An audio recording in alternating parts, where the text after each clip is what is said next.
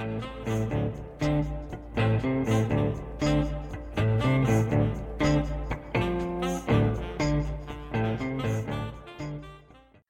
לכולם, אתם מאזינים למה נחקר, אני מירב בן יצחק ונמצאת איתי היום חנה נועה ברד, רוצה להציג את עצמך? כן, אני חנה נועה, אני המנהלת מעבדה של פרופסור אריה צבן, אנחנו חלק ממרכז הננו-טכנולוגיה של אוניברסיטת בר אילן וגם חלק מהמחלקה לכימיה, ואנחנו מתעסקים במעבדה במחקר של תאים סולאריים. אוקיי, okay, אז אה, רוצה קודם כל לספר לי קצת מה זה בכלל תא סולארי ולמה מעניין לחקור את זה?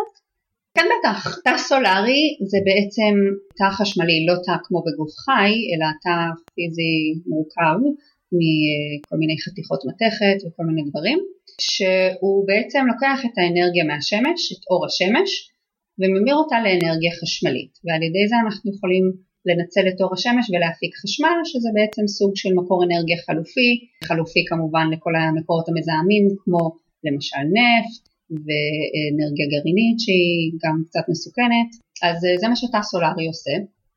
עכשיו אה, באמת היום כבר יש תאים סולאריים שקיימים בשוק, כמו למשל אה, תאים של סיליקון שמהווים בערך 80% מהשוק היום.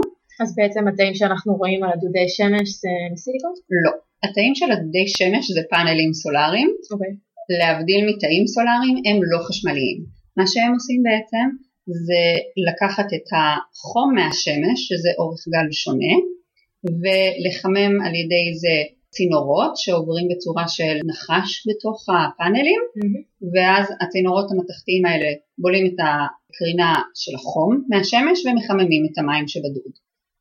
להבדיל תאים סולאריים הם נראים קצת שונה, למשל את בטח לוקחת אוטובוסים או אנשים לוקחים אוטובוסים פה mm-hmm. ושם ויש תמיד בזמן האחרון את השלטים שמראים מה שעות הגעה של האוטובוסים, כמובן שהם לא מדויקים, אבל כן. זה בגלל שאנחנו בארץ, אבל מעליהם אם שמת לב, יש מין כזה קופסה מרובעת כזאת נטויה, שבעצם יש עליה משהו שנראה עם כל מיני כבישים מתכתיים. זה תא סולארי חשמלי אמיתי. אז הוא לוקח את האנרגיה של השמש ומפעיל את השלט של האוטובוס. מגניב. כן. אז זה למה מעניין לחקור את זה, ויש עוד סיבות? יש עוד סיבות כי הסיליקון שהוא הכי נפוץ היום בשוק, שזה גם מה שרואים, על גגות של בתים או למשל על הגגות של תל השומר בית החולים אז יש mm-hmm. כל הגגות שלהם מלאים בתאים סולאריים מסיליקון או מה שאמרנו על התחנות אוטובוסים אז הסיליקון עצמו הוא מוצר מאוד מוכר בתעשיית המחשבים והצ'יפים mm-hmm. ומאוד יקר להכין אותו בצורה שהיא טהורה מאוד בשביל כל התעשייה של החשמל והאלקטרוניקה וכמובן שיעדיפו להכין אותו בשביל מחשבים ופחות בשביל תאים סולאריים אז זה צד אחד, למרות שהתאים הסולאריים של הסיליקון מאוד יעילים.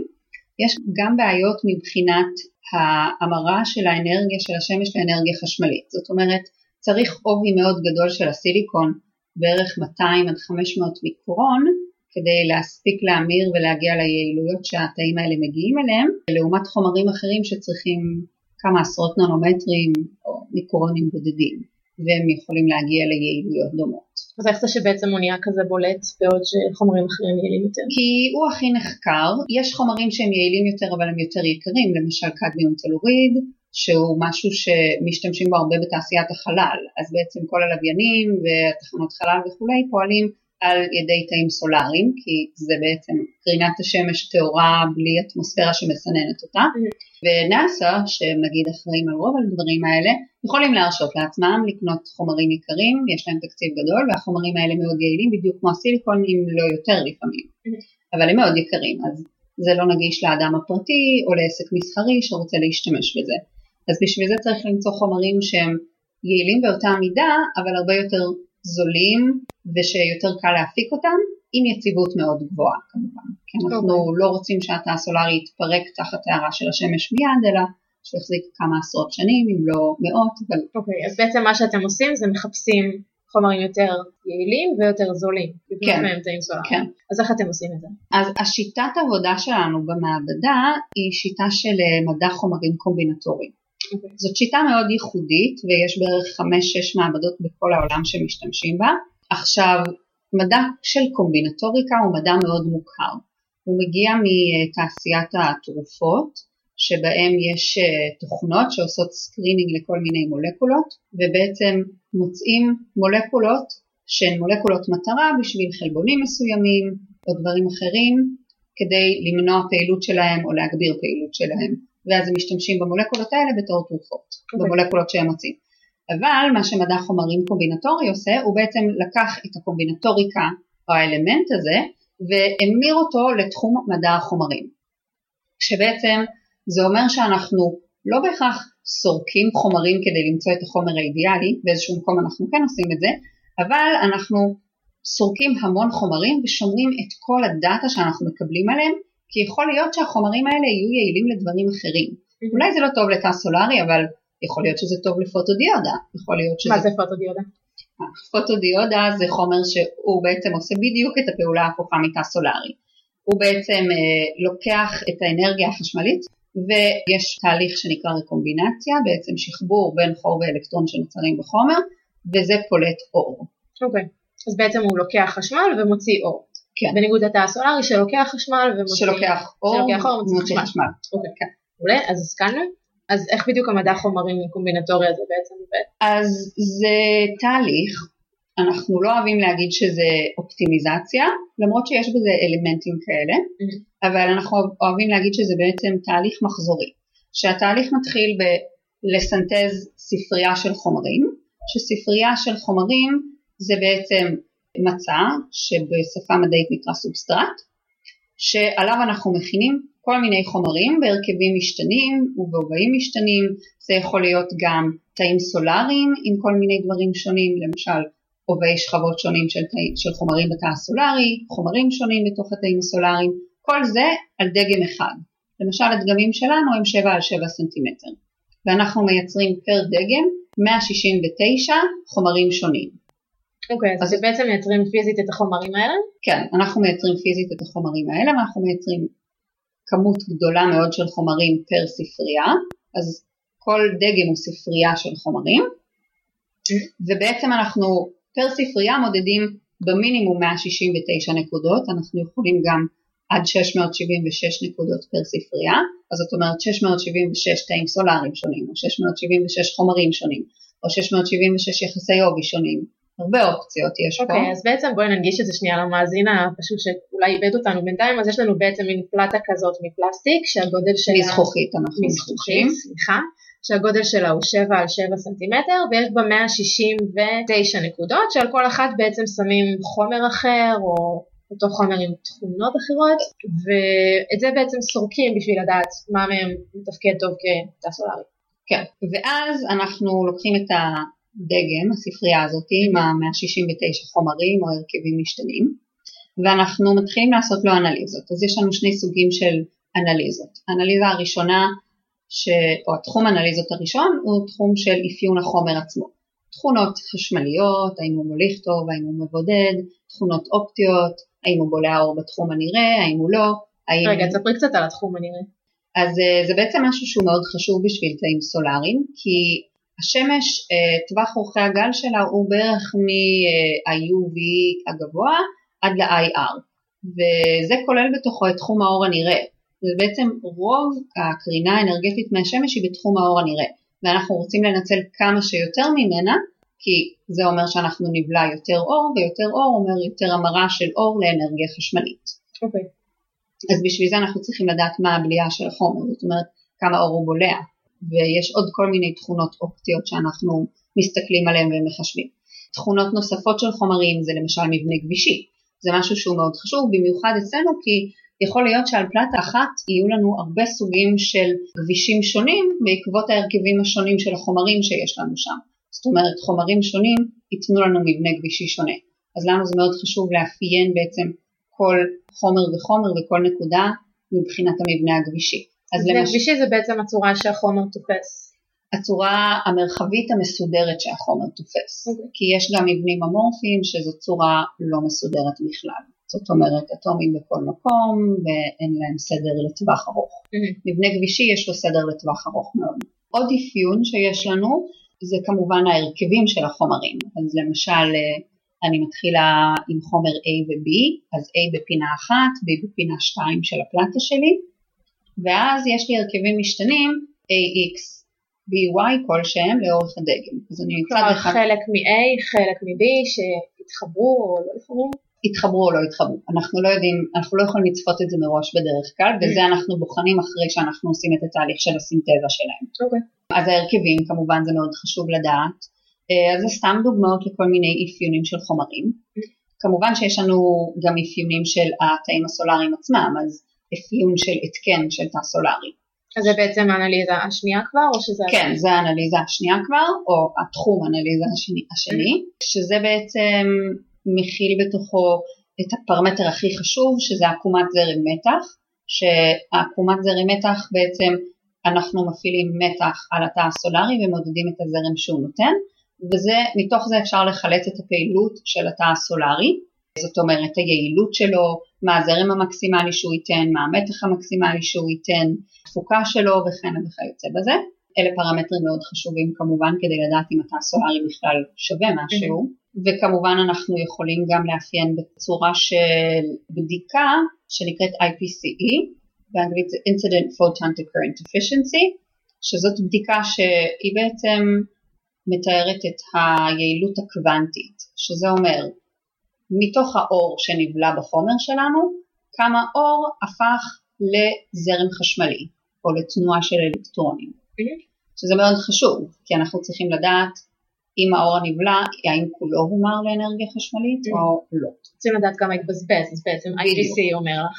ה-IPC אומר כמה התבזבז, וזה מאוד חשוב כי זה בעצם יכול להעיד על כל מיני תהליכים שמתרחשים בתוך התא הסולארי שהם תהליכים לא רצויים, שאנחנו רוצים לנסות למנוע אותם או לשפר את התהליכים כדי שהם לא יקרו. איזה למשל תהליכים לא רצויים יש סולארי?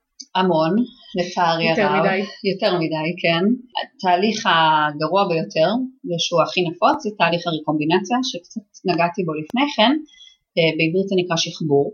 Mhm. ובעצם איך תא סולארי פועל, אנחנו מקרינים אור עליו, ואז אלקטרון שנמצא באיזושהי רמה אלקטרונית, מתערער לרמה אלקטרונית גבוהה יותר, ואז הוא חופשי לנוע בתוך זרם, וככה נוצר הזרם החשמלי. עכשיו, בעקבותיו הוא משאיר מה שנקרא חור, שחור זה כמו מין יצורון כזה, אבל הוא בסך הכל מתאר היעדר של אלקטרון.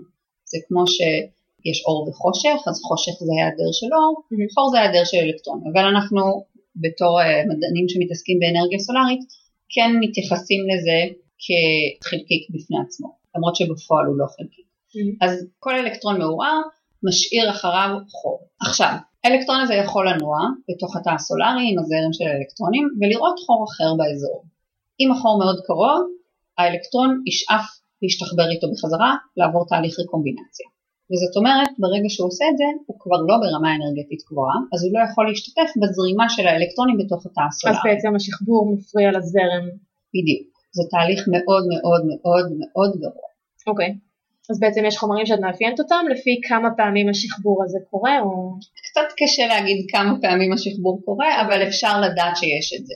השחבור נגיד יכול לקרות בממשקים בין גבישים. אז אם יש לי חומר שעשוי משכבה של גבישים קטנים, אז יהיו לי המון ממשקים, וכל ממשק כזה מהווה סכנה מבחינת האלקטרון, Mm. סכנה במרכאות, אוקיי. לתהליך של רקומבינציה. אז הרבה פעמים מעדיפים לעבוד עם גבישים גדולים, כי אז יש פחות סיכוי שזה יקרה.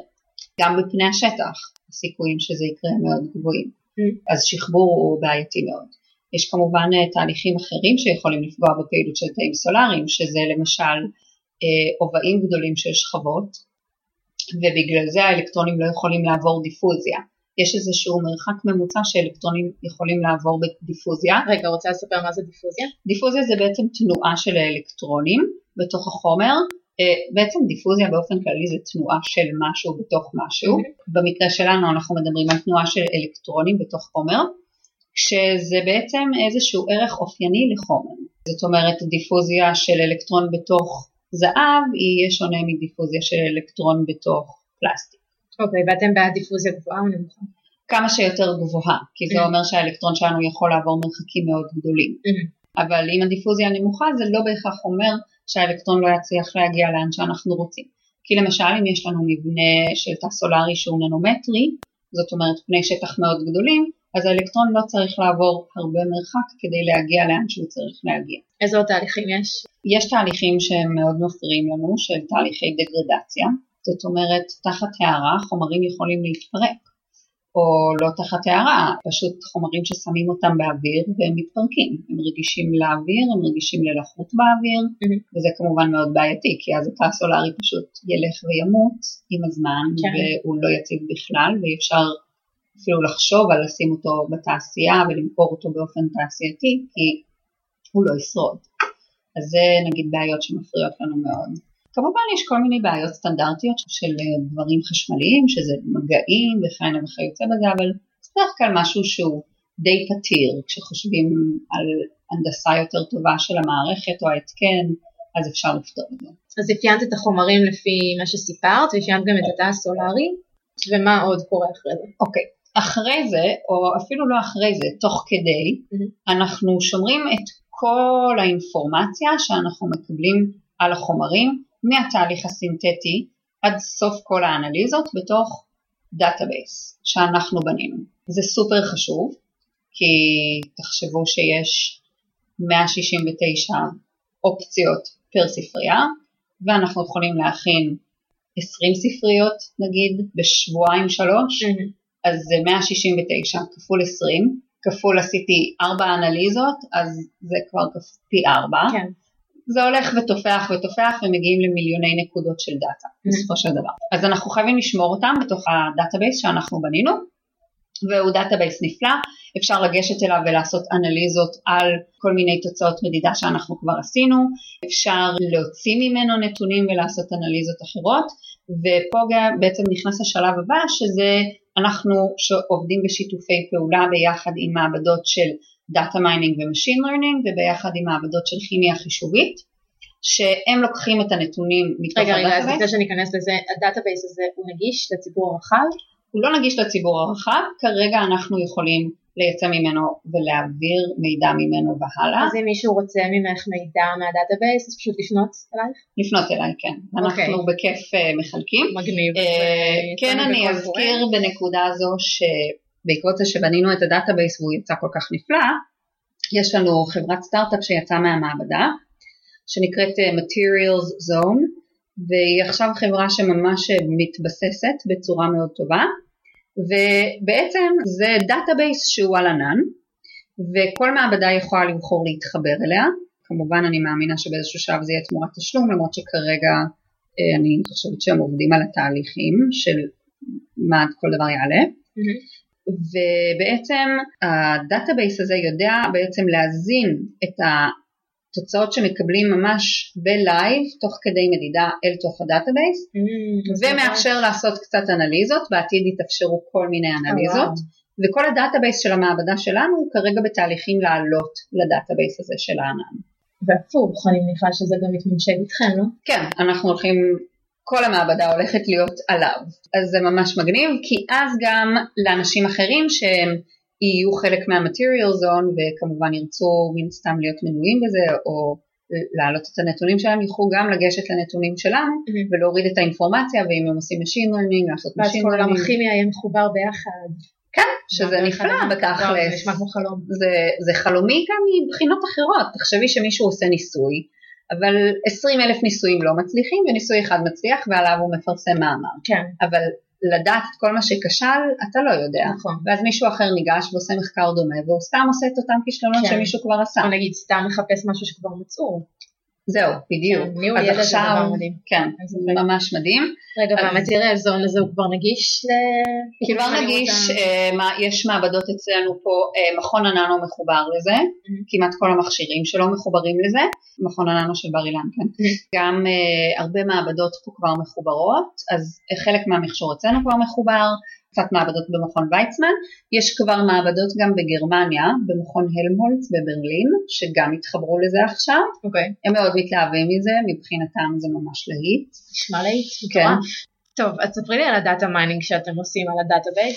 אז הייתה לנו אה, סטודנטית מצוינת, שזה בעצם היה עבודה שלה, רק data mining ו machine learning, קוראים לה אילנה בורביק, והיא באמת עשתה עבודה מעולה, פרסם לה מאמר לא מזמן, היא לקחה data שהיה לנו ב database, וגם אה, היא סינתזה כמה דגמים של ברזל אוקסיד, שהוא חומר שיש לו בליעה מאוד טובה באור, הוא בצבע כתום אדום כזה, אז הוא בולע יפה מאוד את האור הנראה, הבעיה היא שהוא ההולכה של האלקטרונים בתוכו היא מאוד נמוכה.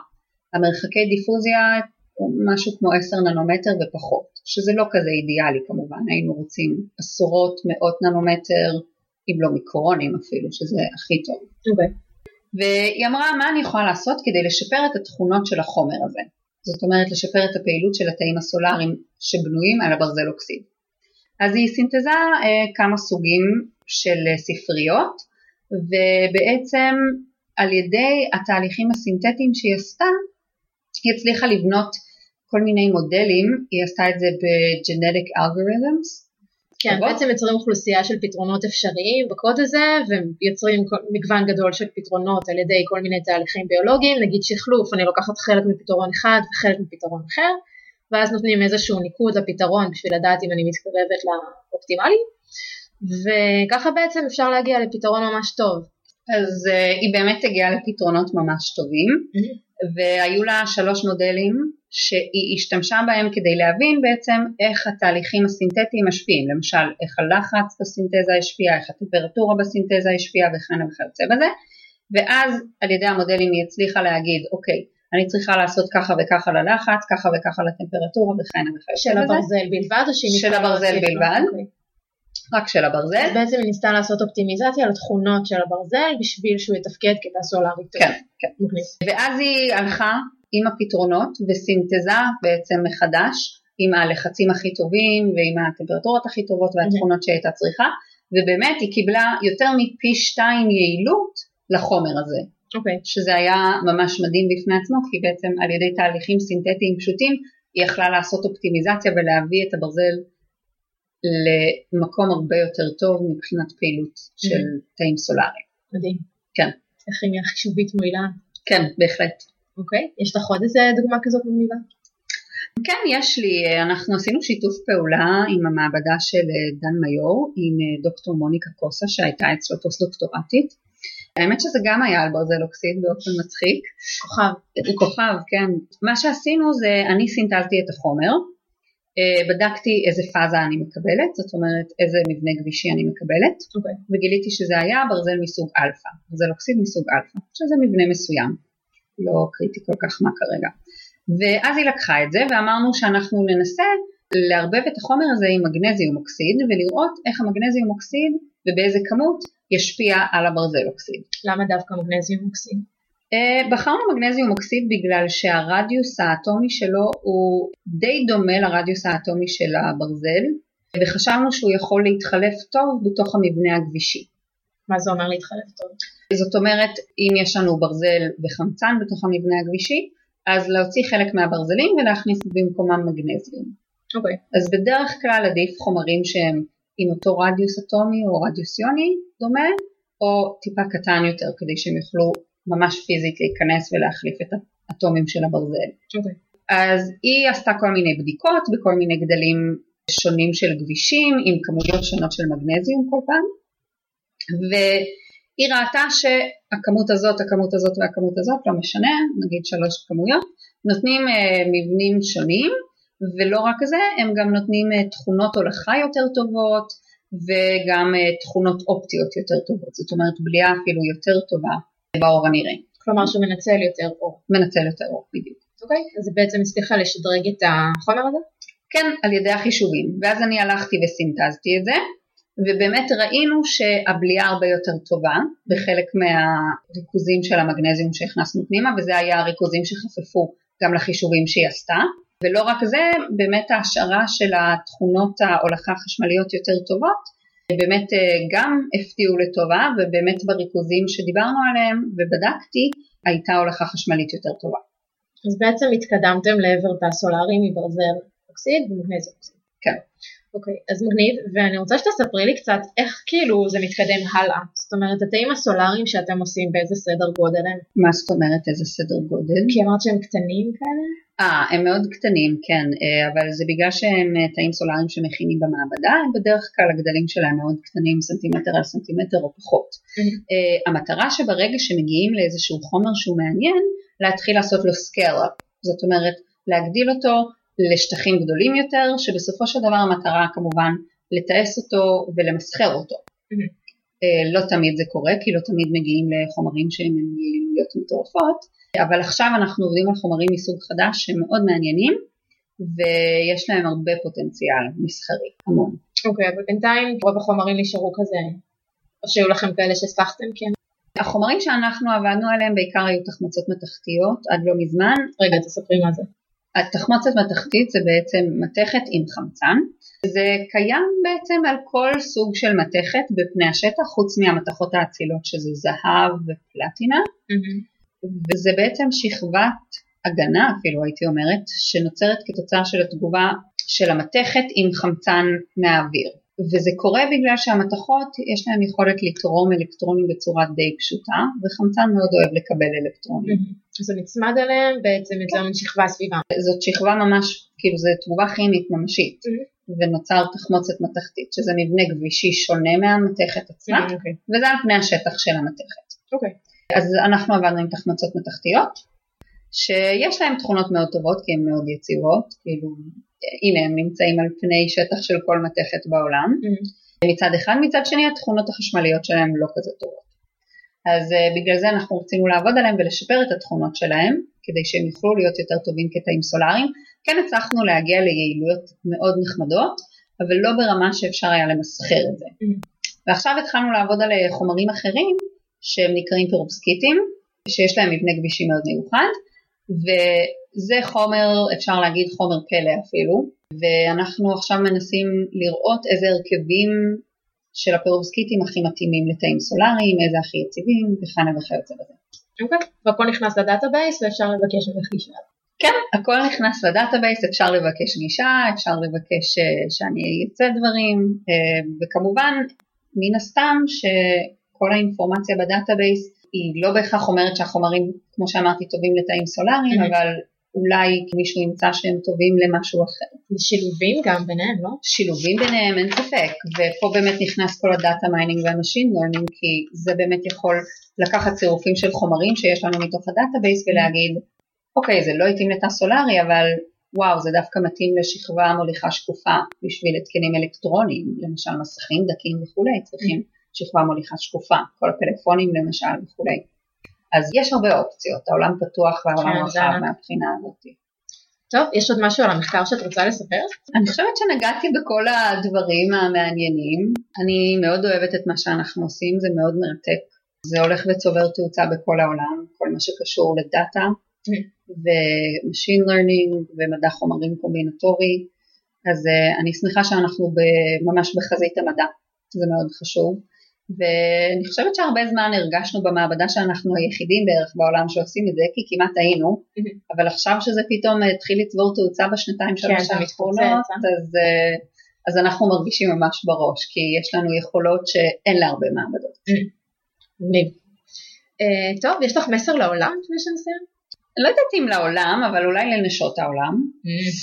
אני חושבת שזה ממש חשוב לנשים ללכת אחרי מה שהן רוצות, ואם זה משהו במדע, אז אפשר לעשות את זה גם אם יש לך משפחה, גם אם יש לך ילדים, את לא צריכה לחשוב שאת מקריבה משהו מזה, וגם הבעלים יכולים לתמוך ולעזור בזה. אני בתור אישה במדע רואה כמה זה חשוב שיהיו נשים במדע, אין מספיק לצערי הרב, והיום יש כל כך הרבה מלגות וכל כך הרבה תמיכה בנשים שהן אימהות ואפילו לא, פשוט נשים שבאות למדע. אני, באמת אני אומרת, אל תפחדו לעשות את מה שאתן חולמות ומה שאתן רוצות, רק בגלל שהרוב המוחלט אולי הם גברים, לא, לכו על החלומות שלכם, תעשו את זה. תראו, יש אפילו זוכת פרס נובל בישראל, mm-hmm. עדה יונת, היא סבתא מצוינת, היא סיפרה לי, והיא אימא גם טובה, והיא מנהלת שתי מעבדות, ועדיין היא מצליחה לנהל חיי משפחה ולהיות סופר מוצלחת כמדענית ויש לה קריירה מטורפת, היא מאוד מוערכת בכל העולם ואני חושבת שכל המדעניות הן כאלה באשר הן, לא להרגיש שאתן לא יכולות להצליח, כי אתן יכולות להצליח ולעשות את זה. כאלה. המון, חייבים המון. אוקיי, טוב, תודה רבה חנה נועה, זה היה מרתק. תודה רבה לכל מי שהקשיב, אני הייתי מירב בן יצחק, וזה היה עוד פרק של מה נחקר, יאללה ביי.